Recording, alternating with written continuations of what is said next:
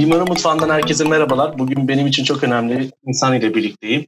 Belki kendisi hatırlamaz ama üniversite birinci sınıfta başlarken, kendisini dinlerken nedir bu girişimcilik diye araştırmaya başlamama sebep oldu. Hayatımda fikirlerime yön verdi. Kendisi Mimari Mutfağı girişiminde de bu fikri oluşmamdaki payda da bir ortağı kendisi. Kors strateji kurucusu ve girişimcilik vakfı fellow'u olduğum mütevelli heyeti üyesi kendisi. İhsan Ergin ile birlikteyiz. Öncelikle İhsan Bey hoş geldiniz. Nasılsınız? İyiyim, çok teşekkür ederim. Sen nasılsın Abdullah? Ben de iyiyim. Çok teşekkür ederim. Ee, İhsan Ergin, kendinizden kısaca bahseder misiniz? Sizi tanıyalım. Ee, evet, e, senin de söylediğin gibi ben e, şirketlerin yenilik arayışında onların stratejisini yapan, girişimcilerle işbirliği yapmasına yardım eden veya şirket içinden yeni fikirler çıkarması için e, uğraşan e, butik bir danışmanlık şirketinin kurucusuyum Core Strategy. Ama aynı zamanda dışarıdaki startuplarla büyük kurumların işbirliğini yönetmeye çalışıyoruz. Türkiye'nin e, en hızlı gelişen üniversitelerinden Özyeğin Üniversitesi e, 9 yıldır aktif olarak görev alıyorum. Eskiden girişimcilik merkezinin başındaydım. E, girişim fabrikası diye bir e, Türkiye'nin ilk iş hızlandırma programını kurmuştum. E, son 2-3 senedir de danışmanlık işlerin yoğunluğu nedeniyle sadece ders veriyorum ve bazı e, konferansları düzenliyorum. Ee, onun dışında aynı zamanda FIBA Banka'nın e, bir kurumsal girişim sermayesi var. Girişimlere yatırım yaptı. Onun aktif e, hem yönetim kurulundayım hem aktifli e, sorumluluğum var yani işte yönetimiyle ilgili. E, onun dışında yani böyle bitmiyor birazcık e, şapkam çok biliyorsun. Hı hı, kesinlikle. E, Fintech İstanbul diye Türkiye'nin ilk finansal teknoloji e, topluluk yönetim ve içerik kaynağının kurucu ortaklarındanım. İki kurucu ortağız orada Selim Hoca ile birlikte. Şu anda e, 5000'den fazla bir topluluğumuz var ve haftada bir bülten yayınladığımız çok aktif ve sürekli kitap yayınladığımız bir e, alanımız var.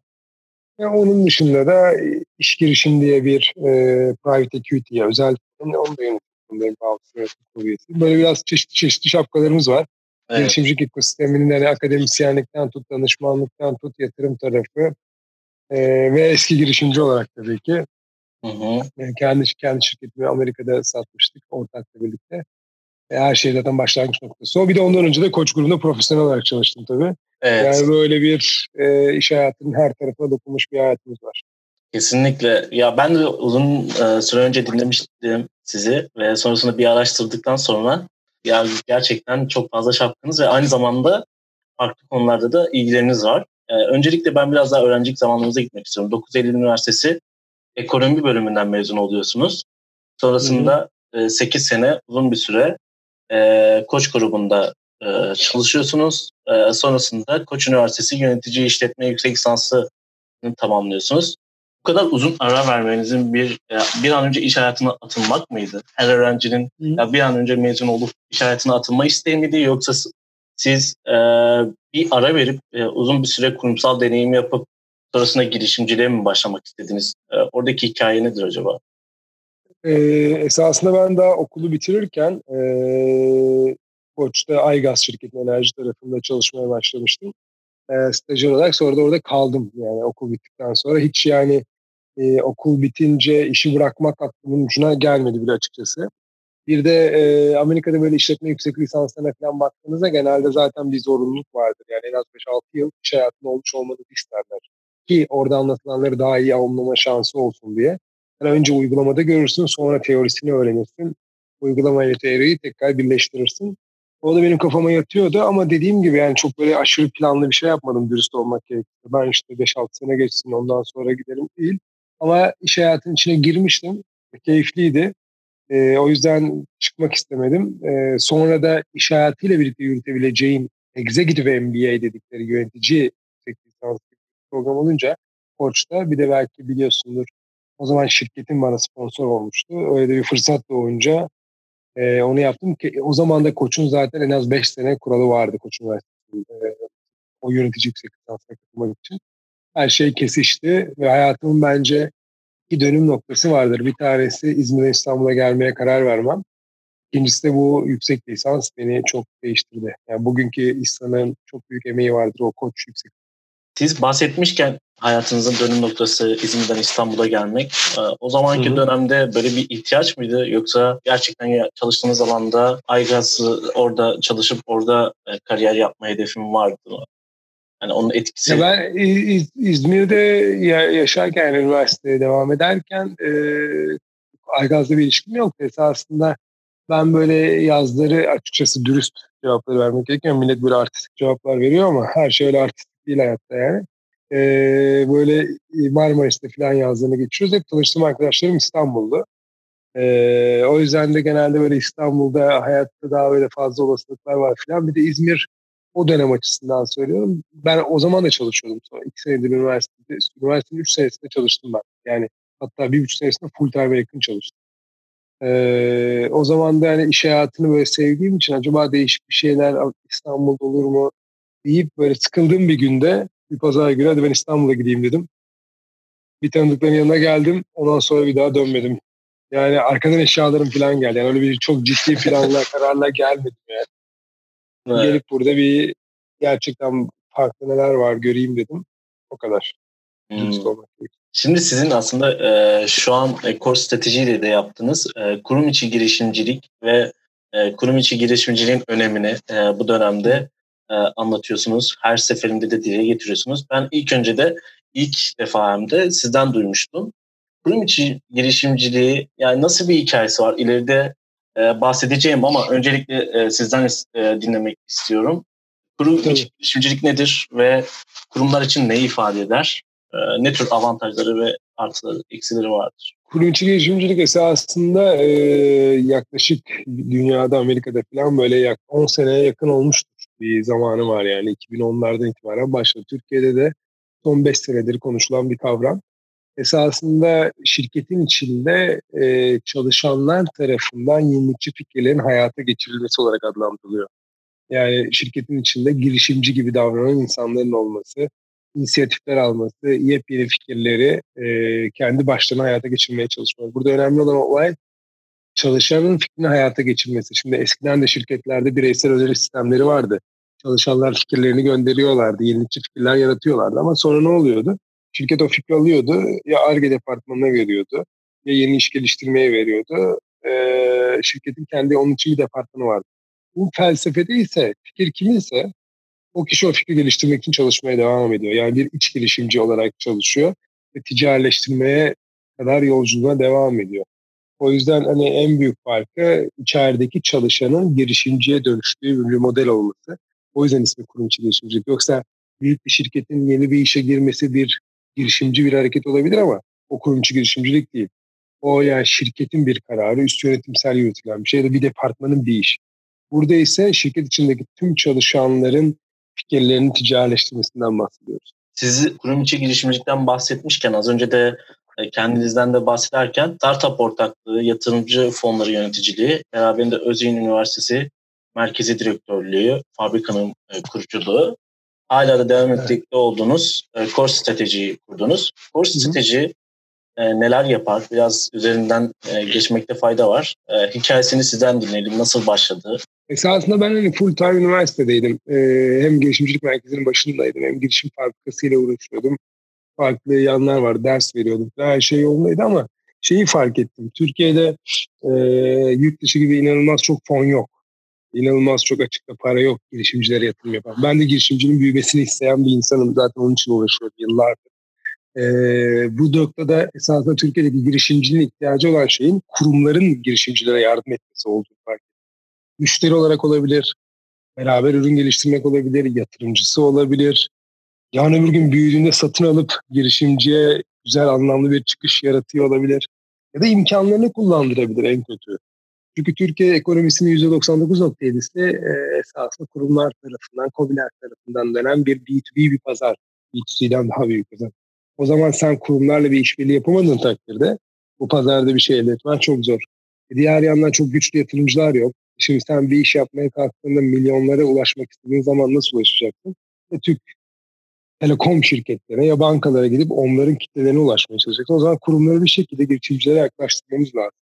Esasında öncelikle özdeğin olarak bu çalışmalara başladık ama üniversite olarak bu kadar kurumlarla e, çok aşırı vakit harcamaktan daha çok şeylere vakit harcamamız gerekiyor öğrencilere.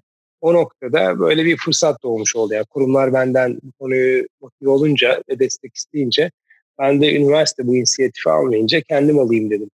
birazcık zorunluluktan doğdu yani ihtiyaçtan doğdu. Ee, onun üzerine e, kurumlar işte şirketin içindeki girişimcilik, girişimcilerle işbirliği, özellikle önceliğim oydu zaten girişimcilerle işbirliğiydi. Böyle şirket kendi de içinde bir şeyler üretmek istediği için kurumun içinde girişimcilik oldu ama birden de bunların hiçbirini strateji olmadan yapmaya başlayınca şirketler bir işe yaramıyordu. O yüzden de inovasyon stratejisi diyerek şirketin hani bu konudaki stratejisini uygulamaya başladık. Hmm. Şimdi siz üniversiteyi 9 Eylül'de bitirdikten sonra hayatınızın dönüm noktası başlıyor ve İstanbul'da geliyorsunuz. Benim de en çok merak ettiğim konu siz e, konuşmanızda da örnek veriyorsunuz. E, Aygaz'daki e, kurye girişimi üzerine, kurum içi girişimi üzerine. Benim de çok merak ettiğim bir konu. Biraz e, üzerinden de geçmekte fayda var. E, sizi orada tetikleyen girişimcilik oldu. Bunu çok net görebiliyoruz. E, bunun nedeni yani kariyer basamaklarına Aygaz'dayken hızlı adımlarla tırmanıyordunuz ama sonrasında tamamen çok zorlayıcı ve etkileri olan girişimciliğe ilerlediniz. Yani bunun da elbette bir tetikleyicisi olmuştur. Siz seviyorsunuz startuplara yatırım yapmayı ve onlara yatırım bulmayı, destek olmayı ki bunun üzerine çokça çalışıyorsunuz. Ama kurumsallıktan çıkıp bir girişime başlamak o büyük bir kesinlikle cesaret isteyen bir konu. Bunu nasıl başardınız hı hı. ve tetikleyicisi, yönlendiricisi var mıydı? Yoksa tamamen sizin kararınız mıydı? E, güzel soru. Esasında bundan hemen önce yani o karar vermeden hemen önce ben Koç'ta MBA yaptım. E, o Koç'ta MBA yaparken de esasında çok ciddi, çok başarılı dersler alıyorsunuz. De, decision thinking dediğimiz e, düşünmek üzerine e, ondan sonra yani strateji, detaylı stratejiler üzerine falan. Bu dönemin şöyle bir etkisi oluyor insanlarda. Hayatındaki her şeyi sorgulama şey yaratıyor. Yani o dönemde e, boşananlar da çok oluyor. Sorgulamaları yapınca iş değiştirenler de çok oluyor. İşte benim gibi böyle farklı bir yola girenler de olabiliyor. O dönemdeki sorgulamam şuydu. Yani tamam e, işler yolunda yaklaşık 6-7 yıldır e, Aygaz'dayım. Stajyerdim, geçici personel oldum, geçici personeldim, kadrolu oldum, kadroluydum, senior kadrolu oldum, senior kadroluydum, yönetici oldum. Sonra işte MBA'imin e, sponsor oldular falan her şey güzel. Ee, ama bunlar da ben mi gerçekten başarılıyım? Yoksa Aygaz'ın markası zaten kocaman dev bir marka. O zamanlar Türkiye'nin en büyük 9. 8. şirketiydi şimdi bilmiyorum tam yerine. Ee, ne yapsan oluyor mu acaba? O yüzden de kendi başıma bir şey başarabiliyor muyum? Gerçekten yetenekli miyim? diyerek bir arkadaşımın bir fikri vardı. Kendisi zaten tekno, teknoloji e, iyiydi. E, ama diyordu ki ben business tarafında eksiğim. Teknolojide iyiyim. Gel bana ortak ol. O da MBA'den sınıf arkadaşım bu arada. Yani MBA o yüzden hayatında yeri çok büyüktür dediğim nedeni o. Ee, bence Executive MBA'nin en önemli konusu Executive MBA'nin özellikle normal yüksek lisansın, yönetici yüksek lisansının e, dersler kadar sınıf arkadaşlarınızdan öğreniyorsunuz.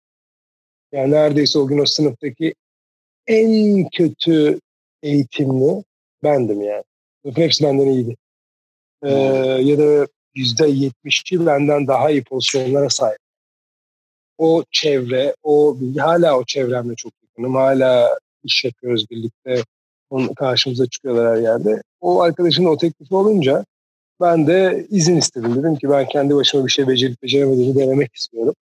O dönemde kurumsal hayatın bazı zorluklarını da görmüştüm. Hani onu da itiraf etmemde fayda var. Yani şu anlamda zorlukları bana değil de hani böyle bir anda herkesi gönderebiliyorlar. İşte e, profesyonel hayatın bazı bence zorlukları var kişinin başarısı dışında. Ya ben onları görünce dedim ki hani ben bu kariyerde kalıcı olmaya karar vermeden girişimcilik denen konu ne olduğunu bir göreyim. Ama o zamanlar hiç popüler değil. Bahsettiğimiz sene e, 13, 12 sene önce yani. 12-13 sene önce girişimcilik dediğinizde Türkiye'de hani anlamıyorlardı. Öyle yani iki tane şey NBA'deki düşünmeyi zorlayıcı şeyler kendimi sorgulamaya yaradı. Kendimi hmm. sorgulayıp acaba ben başarılı bir insan mıyım diye düşünmeye başladım.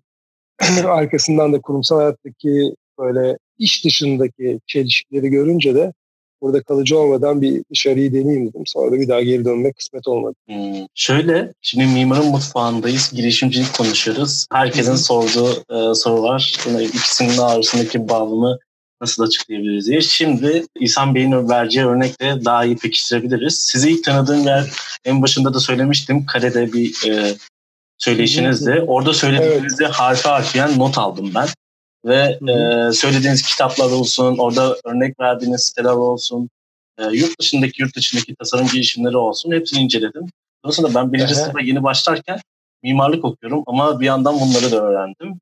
E, ve bu beni çok etkilemişti.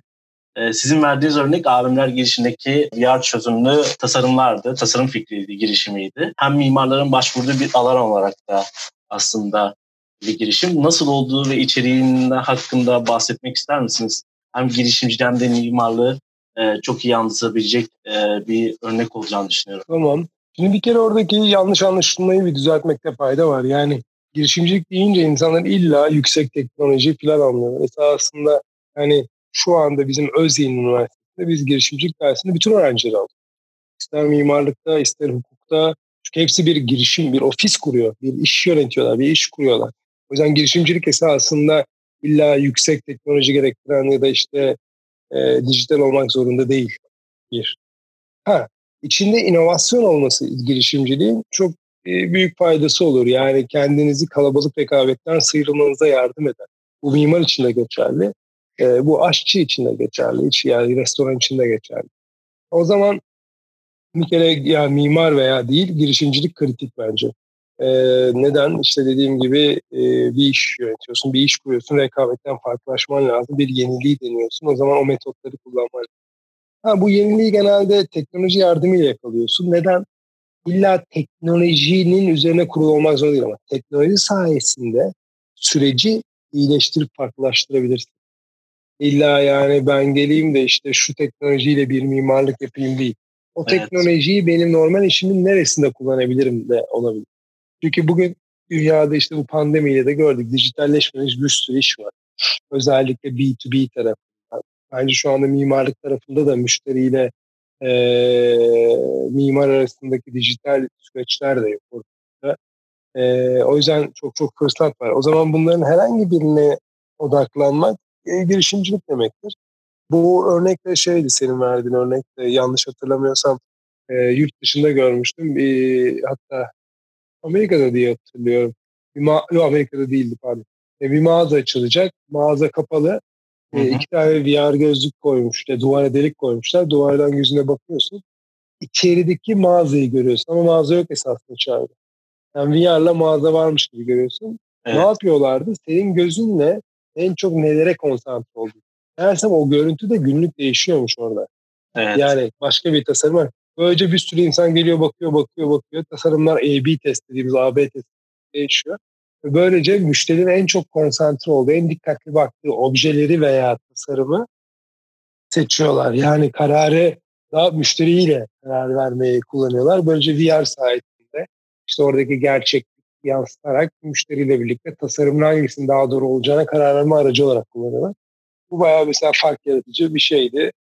Ee, bunu Yanlış hatırlamıyorum değil mi? Bunu evet, evet, evet. Aynen o şekildeydi. Mimarların aslında orada kullanıcı deneyimini de e, işin içine katarak tasarımlarına yön verme üzerine bir fikirdi. Çok güzel bir aynen, aynen. bence. Evet. Ee, ya o, hazır... o yüzden hani şey siz mimarım ben girişimcilikle işim yok, teknolojiyle işim yok falan diye bir konu yok yani. Artık evet. e, teknolojinin, dijitalleşmenin illa sonuç olmasına gerek yok. Araç olarak da kullanıldığını düşündüğünüz zaman yapabileceğiniz çok fırsat var. Bence mimarlık tarafında da çok açık var. Bir de şimdi insanlar pandemi sonrası eve kapanıyorlar. Evin değerini anladılar. Bence mimarlara iş çıkmış olması gerekir. Aynen. Pandeminin hemen sonrasında mimarlara çok iş çıkmış olması gerekir. Evet ya zaten şu an hayatımızın aslında evin e, evin hayatımıza ne kadar önemli bir yer aldığını e, bir kere daha gözlemledik. E, şöyle bir sorum daha olacak.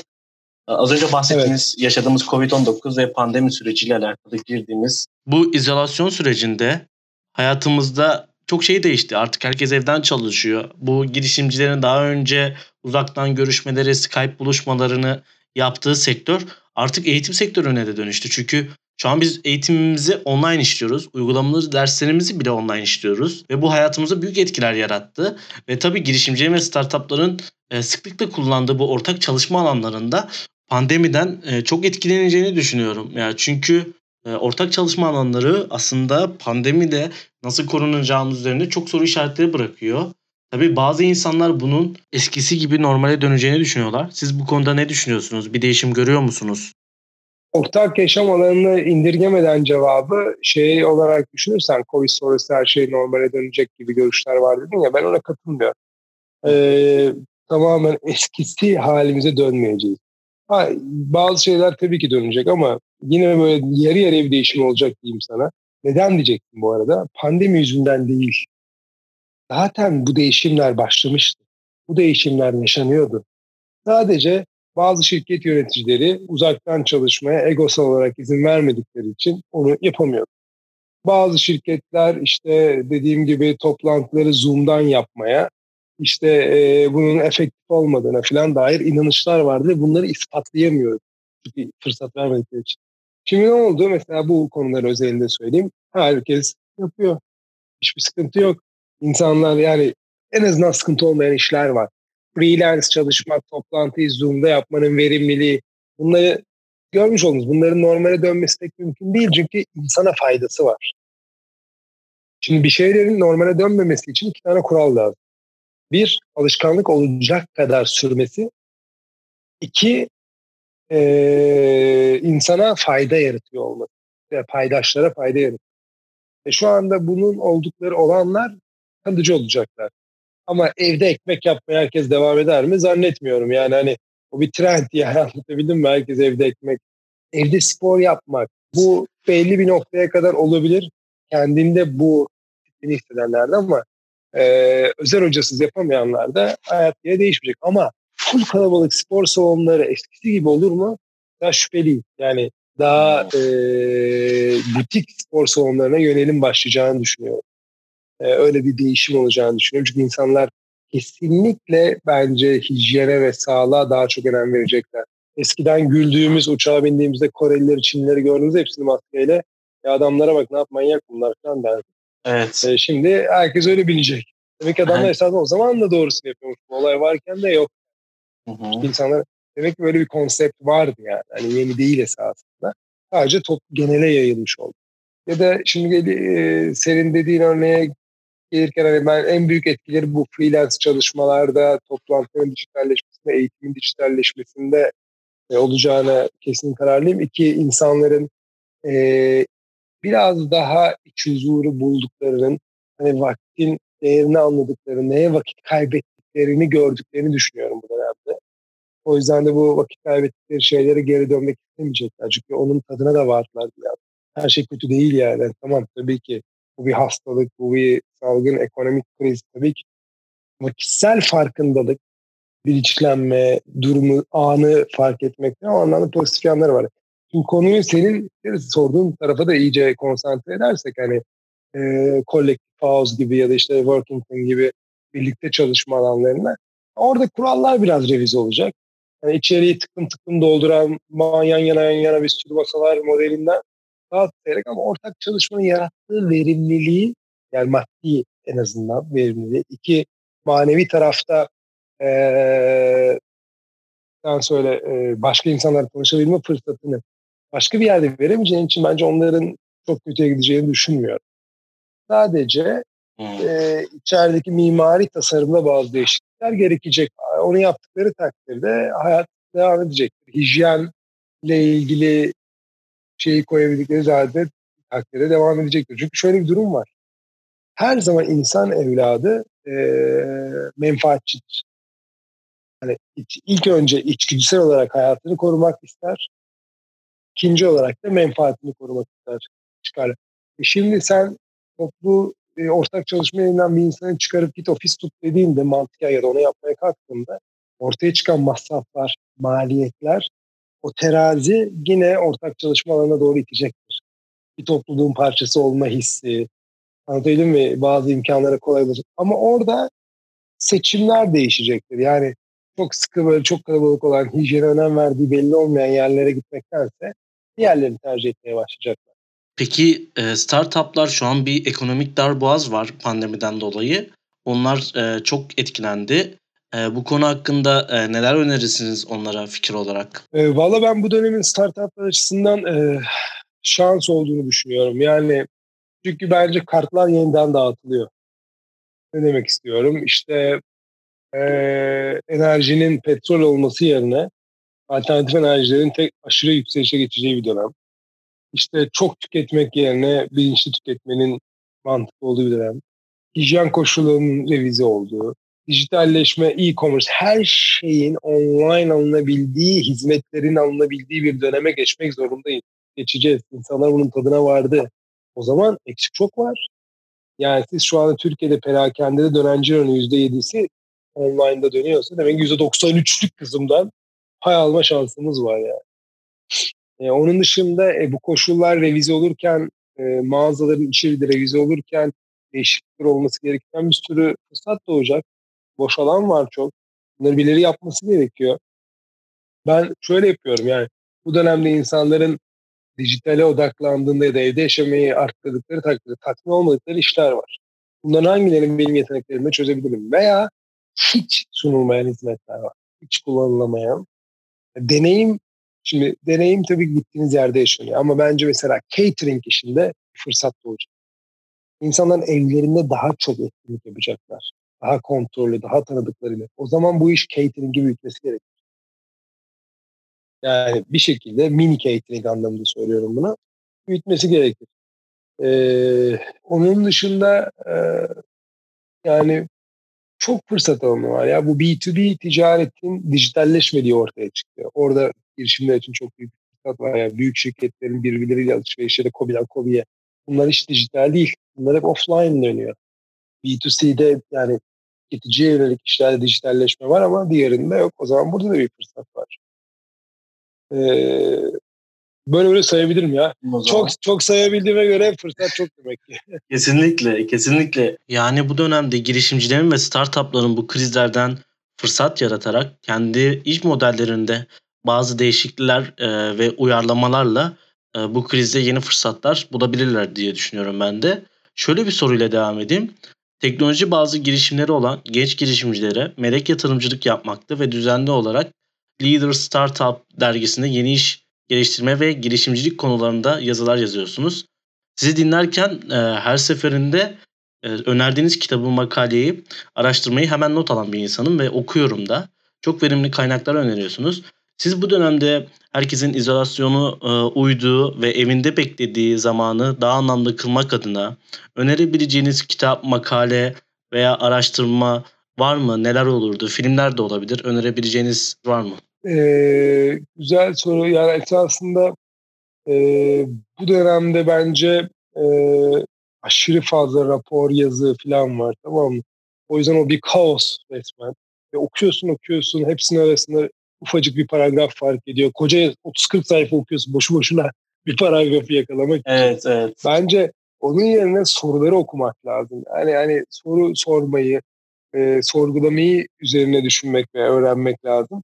Ben bu şeyde yani genelde hani gerek yatırımcı, girişimci, burada işler nasıl yürüyor falan bunları anlamak isteyen insanlara e, şeyi öneriyorum. Both Sides of Table. Masanın iki yanı diye bir web sitesi var. E, blog zaten bu adam yazılar toplandıkça kitabını da çıkarıyor bunların. VC tarafını çıkarıyor, Startup Board tarafını çıkarıyor. Ee, hani o both sides of the table bu dünyayın içinde olayın nasıl döndüğünü anlamak için. Neye gireyim, neye çıkayım filan o anlamda anlamak için değil.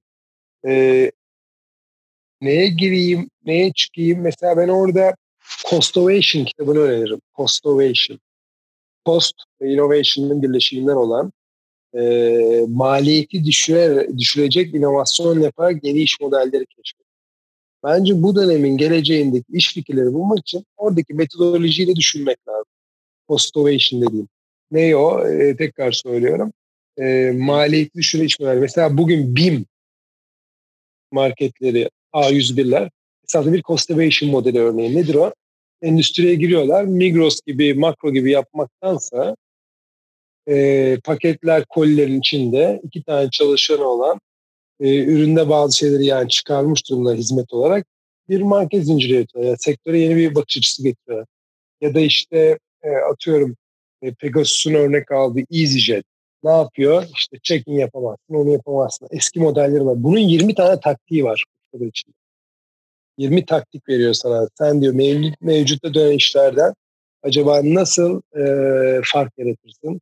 Yeni iş modelleri yaratırsın. Bence Şimdi insanların yeniden düşünmeye başladığı bu dönemde o taktikleri kullanarak yeni fırsatlar, yeni işler yakalanabilir. Ya şöyle bir soruyla devam etmek istiyorum. Yaşadığımız bu dönemde e, girişimcilerin gençlerden çıkması ve gençlere ilham olması adına e, sona doğru yaklaşmışken biraz gençlik yıllarınıza gitmek istiyorum İhsan Bey.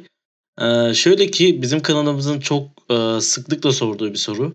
Her konumuza sorduk bu soruyu. Şöyle ki İhsan Ergin e, 20 yaşına dönmüş olsaydı e, neyi farklı yapardı veya e, neyi neden yapardı?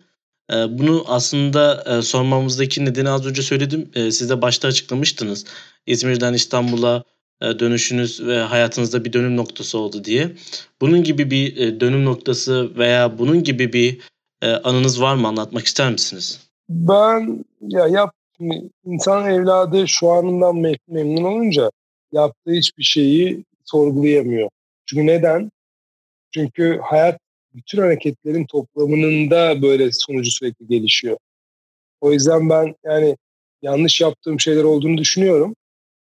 Daha iyi yapabileceğim şeyler olduğunu da ciddi şekilde düşünüyorum. Ama ve lakin bugün geldiğim yerden mutlu olduğum için yani o zaman bugün geldiğim yere gelmeyecek. Diğer şekilde geldiğim yer daha iyi olur muydu? Şüpheli.